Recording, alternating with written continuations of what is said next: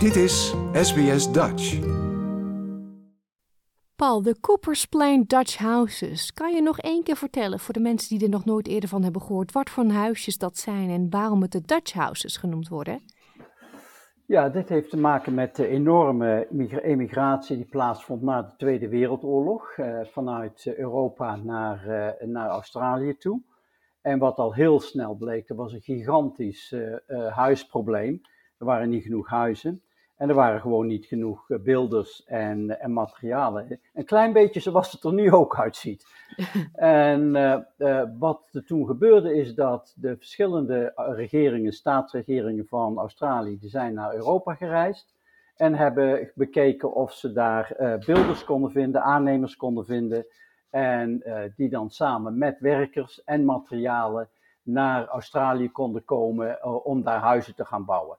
Nou, in dit geval was het een eh, bedrijf uh, van de meneer Krap in uh, Nederland, die dus de regering van, staatsregering van Queensland had benaderd. En die is toen met 75 mensen en materiaal naar Queensland gekomen. En die heeft na de oorlog in de begin 50 jaren zo'n 350 Nederlandse huizen gebouwd. Ja? Nou, de reden waarom ze Nederlandse huizen heten, ze zien er niet uit als Assaanse woningen of zoiets dergelijks. Maar het zijn uh, specifieke woningen, gebouwd met beton. Dat was op dat moment uh, vrij uh, modern en nieuw. En uiteraard, die werden gebouwd door een Nederlands bedrijf. Dus dat is de achtergrond van, van waarom deze huizen gebouwd zijn en, en waarom ze Nederlandse of Dutch houses heten. Ja, en die zijn dus in de jaren 50 gebouwd, heel oud. Nou, ik denk dat iedereen het beeld wel kent om zich heen. Die oude huizen gaan tegenwoordig allemaal tegen de vlakte. Daar komt een heel groot, modern, dubbel eh, story house te staan. Veel stukken grond worden opgekocht door ontwikkelaars, door developers. En dat was in dit geval ook het geval, hè? Het hele gebied, een, een heel groot gebied, ja, in Coopers Plain, dat is een suburb in Brisbane, redelijk dicht aan de stad gelegen. Dat is toen aan de kant gezet door de, door de, de, de, de staatsregering als een gebied dat ze, waar ontwikkelingen konden plaatsvinden. Dus in feite kon dat hele gebied, alle huizen die daar in dat gebied waren, konden afgebroken worden, op de meeste huizen. En daar konden dan uh, appartementen neergezet worden. Dus je praat over tientallen appartementen, ja, appartementblokken, die door die hele wijk verspreid. Dus je praat over een stuk of zes, zeven straten. Ja? Het is dus niet een, een klein gebied, het is een groot gebied. En die huizen waren uiteraard verspreid door die straten. Uh, maar dat hele gebied is nu uh, tot ontwikkeling uh, genomineerd. En dat betekent in feite dat het land en al die huizen door de, de regering van Queensland zijn opgekocht. Op die manier kon dat land dan gegeven worden aan de ontwikkelaars, of ja, aan ontwikkelaars. Ja? Die daar dus die appartementen kunnen gaan bouwen volgens de plannen die dus de, de regering had opgesteld voor uh, wat, wat daar mogelijk is. Ja. De meeste van die Nederlandse huizen zijn ondertussen al verdwenen, die zijn al afgebroken. En er zijn dus nu nog een 10, 15 tal die er nu nog staan, waarvan de helft ondertussen al uh, ja, uh, heiningen omheen staan, ja, die afgebroken worden. En ja, het is nu bijna voorbij voor de Dutch houses. Ja, het is een historisch onderdeel van Cooper's Plain. Dat, dat kan niet zomaar verdwijnen. Dus er werd een actie opgericht. Uh, die huizen, daar moet iets mee gedaan worden. Of met één of met twee. Um, we spraken elkaar daarover vorig jaar in maart, als ik het goed heb. En toen zei je dit. Er is duidelijk nog kans van de communitygroep in Cooper's Plains die daarmee bezig is om één of twee van die huizen te behouden. Ik heb ook begrepen van de developer dat de developer begrijpt het belang van de immigratiegeschiedenis en, de, en het belang van die huizen in die geschiedenis. En dat zij daar ook bereid zijn om maar mee te werken. Er is een brief uitgegaan naar eh, de Heritage Commission in de stad Brisbane. En daar eh, is ook een positief bericht op gekomen. Ja, je was toen eigenlijk best wel hoopvol dat er iets geregeld zou kunnen worden. En er is nieuws. Ja, er is nieuws, maar uh, er is nog, zijn geen beslissingen genomen, dus dat is het punt. Ik denk dat het ook heel belangrijk is dat dit project wordt um, gedragen door de Coopers Plains Community. Dit is geen Nederlands project of zoiets dergelijks. Uh, de Dutch Australian Cultural Center supports it. En uh, wij helpen hun mee met informatie over de geschiedenis en dat soort zaken meer. Want dat hele gebied waar Coopers Plain onderdeel van is, dat is eigenlijk het grootste gebied geweest waar de, ook de Nederlanders na de Tweede, Wereldoorlog, Tweede Wereldoorlog in Brisbane gingen wonen. Dus er is de voetbalclub, daar is, er zijn winkeltjes, daar zijn allerlei dingen die dus nog aan de Nederlandse geschiedenis herinneren. Dus dat hele verhaal past bij elkaar, het hele migratieverhaal past bij elkaar. Maar het is de local community in Coopers Plain die dus het initiatief heeft genomen. Ze hebben handtekeningen verzameld. Ze hebben één huisje, en dat gaat, daar gaat het niet om, hebben ze uh, zo lang in gebruik gekregen om daar uh, een soort community center van te maken.